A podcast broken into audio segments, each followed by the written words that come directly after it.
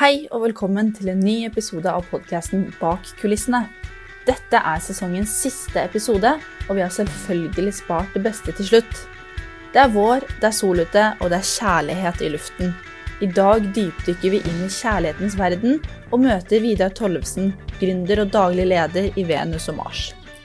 De driver med profesjonell matchmaking og er en slags personlig trener for ditt kjærlighetsliv, altså en som hjelper deg med å nå dine kjærlighetsmål. Vi snakker om hvorfor folk nå vil ha mer enn datingapper, og hvordan personlig matchmaking ikke lenger er forbeholdt de rike og kjente. Vi får selvfølgelig også noen solskinnshistorier og noen datingtips til deg som er singel. God lytt!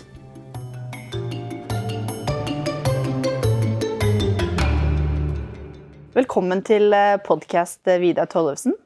Tusen takk. Du er jo gründeren bak eh, Venus og Mars, og i dag skal vi snakke om det vi har valgt å kalle kjærlighetsindustrien.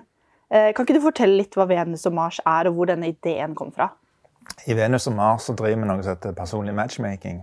Og det er litt dypere og litt mer personlig enn vanlig nettdating og Tinder, som de fleste mennesker kjenner til i dag. Eh, I personlig matchmaking så møter vi mennesker i virkeligheten og tar de inn til samtale. Hører litt på hva de har på hjertet sitt, og hva de søker som partner. Jeg er jo gründer og daglig leder i Venus og Mars, men jeg har òg eh, elleve kvinner med meg som er coacher og terapeuter, som, eh, som, er med på laget. Og eh, alle har den fordelen og styrken at de er flinke menneskekjennere og flinke å ta imot mennesker til samtale, gode lyttere og har lang livserfaring. Så vi har et produkt som går litt dypere og litt mer personlig enn de andre som, som driver i, i den bransjen. da i og med at vi møter mennesker personlig og, føler litt på energi og humor og gnist og hva de søker som partner, og jobber ut ifra det, da. Ja, for Opplevde du at det var eh, en etterspørsel etter en tjeneste som var litt mer eh, nær? Jeg tror veldig mange av lytterne våre kjenner til Tinder og, og alle disse appene hvor det bare sveiper etter utseendet. Jeg kan jo se for meg at det var litt sånn savn etter noe mer nært. Ja, jeg har jo erfaring fra, fra de første appene eller de nettdatingsidene fra 2002 sjøl og de, hatt personlig erfaring med dem. Og, og, og, eh, der inne har det utvikla seg en kultur som er veldig lite danna, veldig lite høflig, for å bruke det uttrykket. Eh, det er helt i orden at du ikke svarer på meldinger. Det er helt i orden på at du bare slutte å svare på meldinger uten å si ifra. Altså den, den, høfligheten og den dannelsen, den, den respekten for andre, den, den, føler jeg mangler ofte der. Det har blitt en sånn en kultur at det, det, er bare seg sjøl og, og, alt er tillatt. Du får veldig lite inntrykk av de personene ut ifra de profilene der. At det er en helt annen person i virkeligheten du møter. Jeg har jo vært på noen uh, dates selv, nå kan jeg avsløre litt fra mitt eget uh, tidligere kjærlighetsliv, hvor man ser personen og så tenker man oi, det her Enten så matchet ikke personligheten sånn som jeg hadde sett for meg denne personen, eller så så han helt annerledes ut. Mm. Og da blir man jo litt sånn skuffa. Man blir litt sånn man mister litt motet og tenker sånn åh, hvor mange dates er det jeg virkelig må gå på før, eh, før jeg finner noe som passer meg? da? Kjenner du deg igjen? Du føler litt snytt. Du har brukt mye tid og osv. Så, videre, så da Tiden er jo en ressurs, det òg. Du skal ikke se bort ifra den. at eh, at uh, Hvorfor skal du kaste bort tid på å lete gjennom hundrevis av profiler og skrive mange meldinger, og så, og så ender du bare på null til slutt? Så, så det er òg litt av konseptet vårt at det er en tidsbesparelse. At vi skal i hvert fall finne noen som passer på papiret til deg. Personlig kjemi, det, det, må de, det, det, må de, møtes i virkeligheten, men da har iallfall de forutsetninger at de er på samme verdigrunnlag og sosioøkonomiske status og der de er i livet og der de ønsker å være i livet, det skal iallfall klaffe på papiret mm. før de møtes. Ja. Eh, men denne industrien da, som vi snakker om nå, eh, det, det, virker jo for meg som den bare vokser og vokser og vokser. Og så kommer stadig flere nettsider, flere konsepter. Eh, dere har kommet på bane, sikkert lignende konsepter enda flere apper. Er det sånn aldri mettet marked som eh, man jobber i her? Det finnes 900 000 single i Norge, og eh, mange av de ufrivillige single òg. Så det er jo alltid et marked for oss for, for det med, med, kjærligheten. Og det folk ønsker seg mest, er jo å finne en partner. Men samtidig så er det veldig mange sårbare mennesker der ute som er lette å utnytte. For, for det, vi snakker jo om følelser her. Ja, man gjør jo det. Og, og, og fornuft og følelse henger ikke alltid sammen. Og, og eh, dessverre så har det jo vært veldig mye lureri og utnyttelse både i Norge og ikke minst i utlandet av nordmenn på dette her. Eh, det var jo en dokumentar som ligger på NRK nå som heter eh, lovehurts.com, som, som, går inn på noen tar intervju eller følger noen personer som har vært i Ukraina eller møtt noen nede i Nigeria og blitt lurt for mange hundre tusen kroner. Og du kan lese om de på Dagbladet og andre plasser òg. For, for, når de er oppi det sjøl, så, så, er det så intenst og personlig at de, de, klarer ikke å se hva den andre kan utnytte. At de er veldig sårbare. Mm. Men det virker som at dere driver med en litt mer sånn personlig, mer sånn eh, profesjonell nettdating. Er det Hvorfor tror du det er blitt så populært? For 15 år siden så var det ingen som hadde hørt om en personlig trener på et treningsstudio heller. Nei, sant. God, god sammenligning. Og, og, og, men, men når, de, når, de, møter en personlig trener og blir litt pusha litt og får den veiledningen, så blir jo resultatene mye bedre òg. Og det er jo nesten det samme du kan si med oss. Vi har jo coachingutdannelse og pedagogisk utdannelse. Noen har terapeuter. Og, og det å bli møtt med noen og bli sperra med noen og, og, få snakke ut om det som er viktig for deg, og, og få den personlige oppfølgingen, det, det, er jo noe som folk savner. da. I hvert fall voksne mennesker. Mm. Hvem er det som typisk tar kontakt med dere, da? Altså sånn aldersspenn, tenker jeg på. Vi har eh, kandidater fra 25 til 75 år. Mm. Eh, den største gruppen er nok mellom 40 og 60, men, men, men det er veldig mange i, i 30-årene òg. Og, og over, over 60 òg. Så vi arrangerer jo bl.a. speeddekning for de mellom 25 og 40, og der er det jo fulle hus. Så.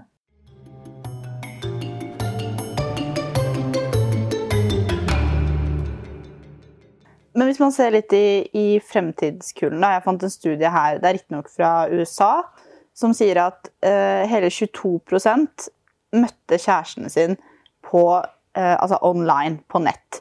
Og den grafen eh, av folk som har møtt kjæresten sin gjennom venner og familie og på bar og restaurant, bare stuper. Mm. Så nå er det en, en fjerdedel i USA som møter kjæresten sin gjennom nett.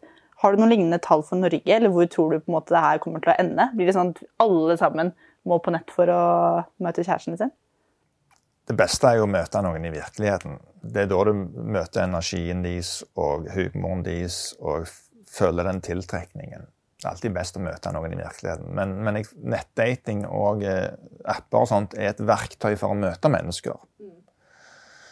Eh, I gamle dager så gikk de ut på byen og drakk seg fulle og håpte å finne noen der og feste og gjennom venner eller gjennom jobben og sånt. og Altså, Treffer du noen gjennom venner eller jobben, så er det litt sånn mer warm meeting, som jeg kaller det. Da har du blitt introdusert for dem på en positiv måte og får bedre måte. Altså, du har blir bedre kjent med dem. Ikke et kaldt møte på byen. Så det er jo en anbefaler sånn sett, da. Men, men at, at, at, teknologien er der for å brukes, helt klart. Men så er det noen som misbruker den teknologien, og, og eh, det er mange falske profiler der ute. Og folk blir, mis, altså folk blir lurt. Og, og, de kommer til oss for å få den personlige oppfølgingen, og der skal det være bare ekte profiler som, som er kvalitetssikre. Mm. Er det, får dere henvendelser fra kjendiser og ja, sånn som Million Dollar Matchmaking, da, altså rike mennesker som, som er redd for å liksom bare skulle få interesse fordi de er rike eller kjente? Vi har noen kjente mennesker som tar kontakt med oss, og, òg veldig pengesterke mennesker. Og de ønsker jo ikke, Alt foregår diskré anonymt gjennom oss, da, sånn at ingen kan logge seg inn i vårt system og se andre profiler. Okay. Sånn som det er på nettdating. Og vi har jo fått samtykke til å, å presentere de ulike kandidatene for de ulike kundene. Og eh, det, det skjer veldig sånn eh, diskré anonymt. Og vi har en taushetserklæring på de som blir kunder hos oss òg. Mm som vi skriver under på, så, som er veldig nøye med det med, med personvern og, og, eh, at uh, ting skal holdes på et diskré nivå. Mm.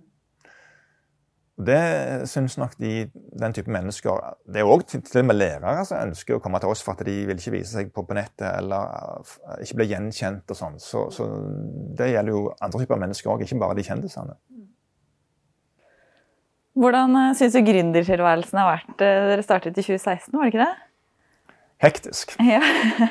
Mye jobbing. Ingen uh, arbeidsmiljølov her. Nei, ikke sant? Men det, det, er veldig kjekt og veldig spennende å, å, å utvikle ideer og noe du tror på. Ikke minst en meningsfylt jobb som hjelper andre mennesker med det kanskje viktigste i livet. Og når du får de tilbakemeldingene, når vi har eh, speeddating-eventer, når du får sånne bilder når de er stolheisen på alpinanlegget, og kjærestebilder for helgene, og nyttårsfester og ja, folk som takker oss for, for, at vi satte de sammen, de hadde aldri funnet hverandre på egen hånd, så, så gir det veldig mye energi. Ja, jeg klart det.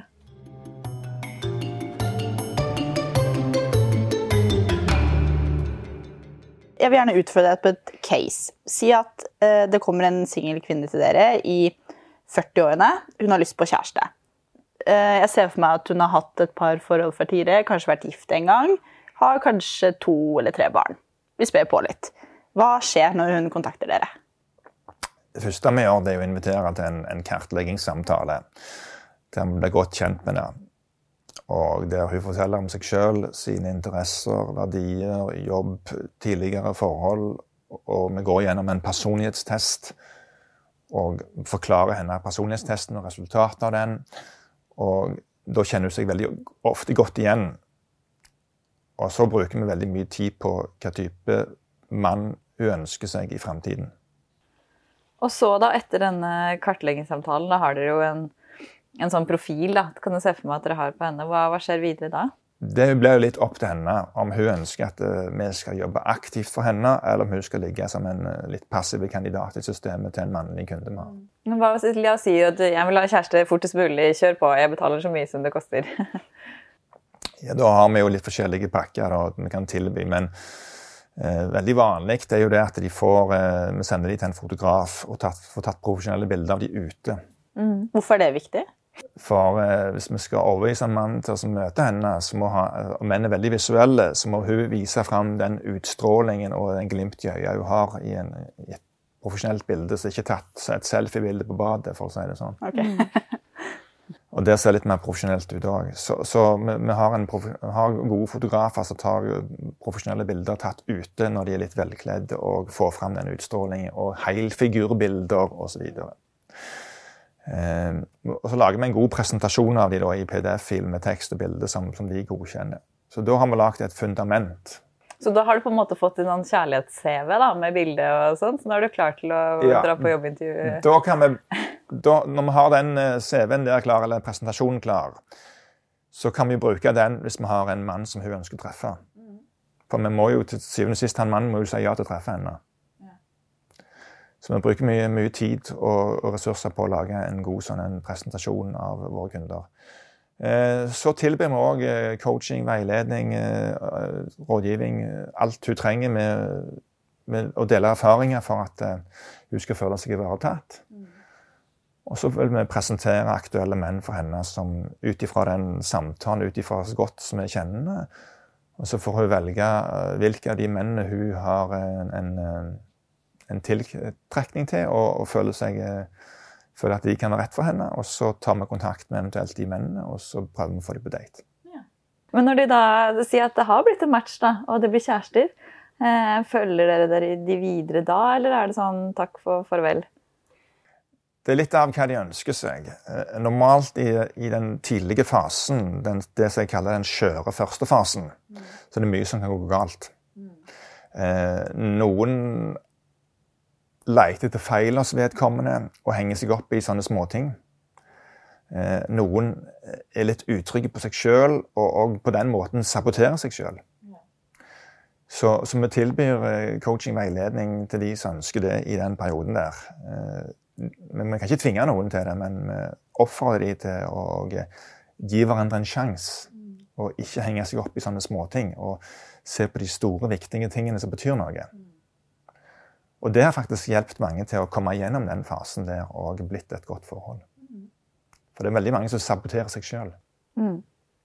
Men du sa jo i stad at uh, vi vil jo være de som klarer å sile vekk de som er narsissister og uh, har andre psykopatiske trekk. Uh, da vil jeg jo tro at ikke alle får hjelp hos dere. Altså Denne psykopaten eller narsissisten vil det jo være vanskelig å spleise med noen. Han ønsker vi ikke å ha som kunde. Sier dere da beklager, men vi er nok ikke rette Vi er veldig selektive i valg av kunder. Og, og, men, og når vi har de inn til samtale og har en sånn dybdesamtale som den kartleggingssamtalen er, vi spør de en del personlige ting, så oppdager vi fort sånne trekk som ikke er bra hos en person som vi ikke ønsker å vise den personen til en av for våre kvinner. Jeg hadde bl.a. en advokat på 43 år som, som var inne til samtaler hos meg. og Han var 1,70 høy og hadde litt mage og, og mente han sjøl var Guds gave til kvinnen. Da, men, men når jeg begynte å spørre han litt sånn helt vanlige spørsmål om, om han kan fortelle seg om interesser og tidligere forhold, så bare tente han balleplugger og skjelte meg ut og ble så sint. Det var ikke det han kom her for. Han skulle han skulle bare se flotte kvinner her, og, han skulle ikke betale noe, for han var Guds gave til kvinnen, og de var heldige som kunne få han, osv. Guds gave til dere som selskap også? At ja, dere fikk lov til å reklamere for ja. Så, så det, jeg takket bare for han kom til samtale på høflig vis, og vi strøk han vårt, i vårt system. Så folk med sånn negativ energi, eh, psykopatiske trekk og, og negative trekk Det kan være golddigger, det kan være drama queen de luxe, det kan være eh, narsissister, rasister, eh, kverulanter folk som har veldig mye temperament, de vil ikke vi ha. Vi, vil ikke, altså vi skal kunne gå god for en person, en kandidat eller kunde med god samvittighet, og så presentere det for den andre, og ikke ha, være redd for hva som skjer på daten, og hva den andre sier om oss fordi at vi viste den personen. Mm. Ja, for det vil jo gi dårlig omdømme igjen. Hvis yes. det, det omdømme, bare blir matcha med de der advokatene på 1,70 med litt overdrevet selvtillit. Mm. Men eh, eh, sånn som Tinder har jo sånne eh, litt mer sånn VIP-versjoner som du betaler litt ekstra for. Og der er det jo differensiert inn i eh, pris etter hvor, gammel du er og hvilket kjønn du er. Og så er du litt eldre mann, så må du betale mer enn hvis du er yngre kvinne. Er det sånne rater hos dere også? At uh, digge damer får billigere pris? Nei, det har vi faktisk ikke. Men vi har forskjellige kundeforhold som går ut på hvor mye energi og hvor mye tid vi bruker på dem. Mm. mm. Hva koster det, da? Det koster omtrent som å gå til en personlig trener hvis du tar timebetalingen. Ja. Så man må se på det som det. Ja, så Hvis du har en, en kontrakt som varer i seks måneder, og vi bruker veldig mange timer på det, så koster det litt mer enn du har en kortvarig kontrakt som, som bare er fem-seks timer. Så, så, det går litt an på, på, den tidsbruken og alt arbeidet vi legger i, i kundeforholdet. Mm. Men føler kunden at det er verdt de pengene? Ja, det er et unisont ja. For de får et produkt. De får en flott presentasjon av seg, flotte bilder. De får en veldig god oppfølging fra oss med, med coaching og veiledning. som De lærer veldig mye om seg sjøl, og de får veldig gode tilbakemeldinger fra de andre på en date òg. Og de får møte mennesker. og ja, de, de, de, kommer videre i prosessen. Noen blir par gjennom oss. Noen har lært så mye sånn at de finner en, en, partner på egen hånd eh, to måneder etterpå. kunde for det slutt. Mm. Ja, for det er litt sånn som personlig trener. Når du først har lært triksene og lært hvordan du skal gjøre det, så blir det mye lettere for deg selv også. Du blir tryggere på deg sjøl. Du mm. vet hva du søker. Du, du, du, ikke, du, bare fisker ikke med garn lenger. Du, er litt mer inne på det som, mm. det som er viktig for deg.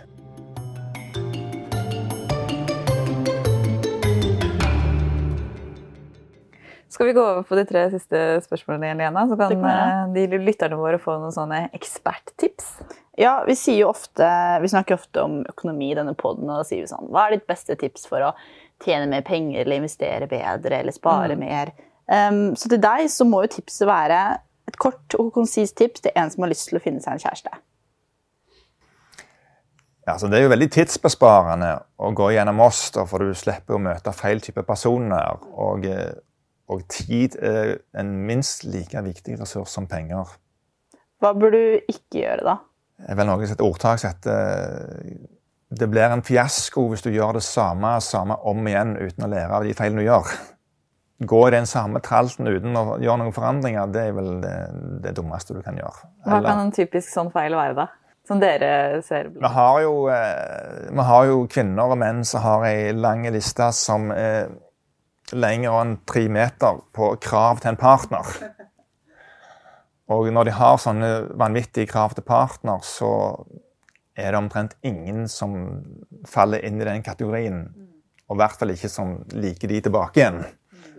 Det skal gå begge veier. Så, så det å konsentrere seg om det aller viktigste, de viktigste tingene, og gå på kompromiss med det som ikke er så viktig, det blir jo et godt råd i alle sammenhenger. da.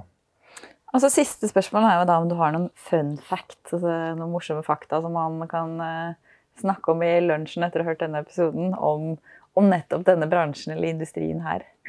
De aller fleste som kommer til oss, er jo oppegående, normale mennesker. Men vi har jo noen sånne originaler, selvfølgelig, som, som kommer til oss. Og, og, det var jo en, vi har eh, menn som er jomfru i 40-årene og alt mulig. Så, så, men det var en mann da som, som likte å gå i damesko. Og han spurte oss om han, han, han, han var snill og grei, litt nerdete, men han var veldig snill og grei og hyggelig. Men han spurte det om jeg skulle fortelle om det på den første daten. Så, så sier jeg til han litt sånn uh, diplomatisk, da Jeg tror du skal vente litt med akkurat det der på de første datene med det med de dameskoene. For bli heller litt kjent med den personen der, og så kan du fortelle om de, de interessene etter hvert. Men vi får litt sånne mange spørsmål om, ting de skal ha på seg, og hva de skal si. Og, og ja, han hadde litt sånne spesielle interesser. Så det, det, er mange eh, rare mennesker der ute, men, men som, som, sagt, er de hyggelige og, og respekterer andre mennesker, og, så, så det er helt greit at de er litt nerdete. De, de, blir ofte en god partner, de, for de, de, de gir så mye av seg sjøl og, og, setter pris på den andre partneren. Det er de playerne som, som du skal skygge banen for. De som alltid syns gresset er grønnere på andre sida, de du ikke kan stole på. Men når bør man fortelle om litt sånn spesielle hobbyer eller rare ja. Nei, Det er vel ikke noe fasitsvar på det, sånn sett, men du må jo, du må jo være trygg på, på den personen at du har opparbeida en, en, viss kreditt for at ikke den skal finne feil hos deg med en gang og, og, forlate deg. Altså Hvis den andre personen er glad i deg, så kan de gå på utrolig mange kompromiss. Så du må bygge deg opp litt kreditt på det området før du kan legge ut om alle dine dårlige sider, vil jeg si. Ja. Godt råd. Men da sier vi det, da, oppsummert. Så ikke fortell om at du liker å gå på damesko på første date, men ellers være vær deg selv uh, mm. 110% Takk for at du kom i podkasten. Tusen takk. Tusen takk for å være her. Som vi nevnte i introen, så var dette sesongens siste episode. Tusen takk for at du har lyttet, og ikke minst gjort det mulig for oss å møte så mange spennende mennesker. Vi setter også veldig stor pris på om du deler podden med venner og kjente, eller rater oss i iTunes. Og vi begynner innspillingen av nye episoder til neste sesong allerede nå. Så har du tips til eh, navn eller tema som eh, vi bør ha med neste sesong, så send det veldig gjerne til vår Instagram-konto Bak kulissene podkast. Og så håper jeg vi høres igjen over sommeren.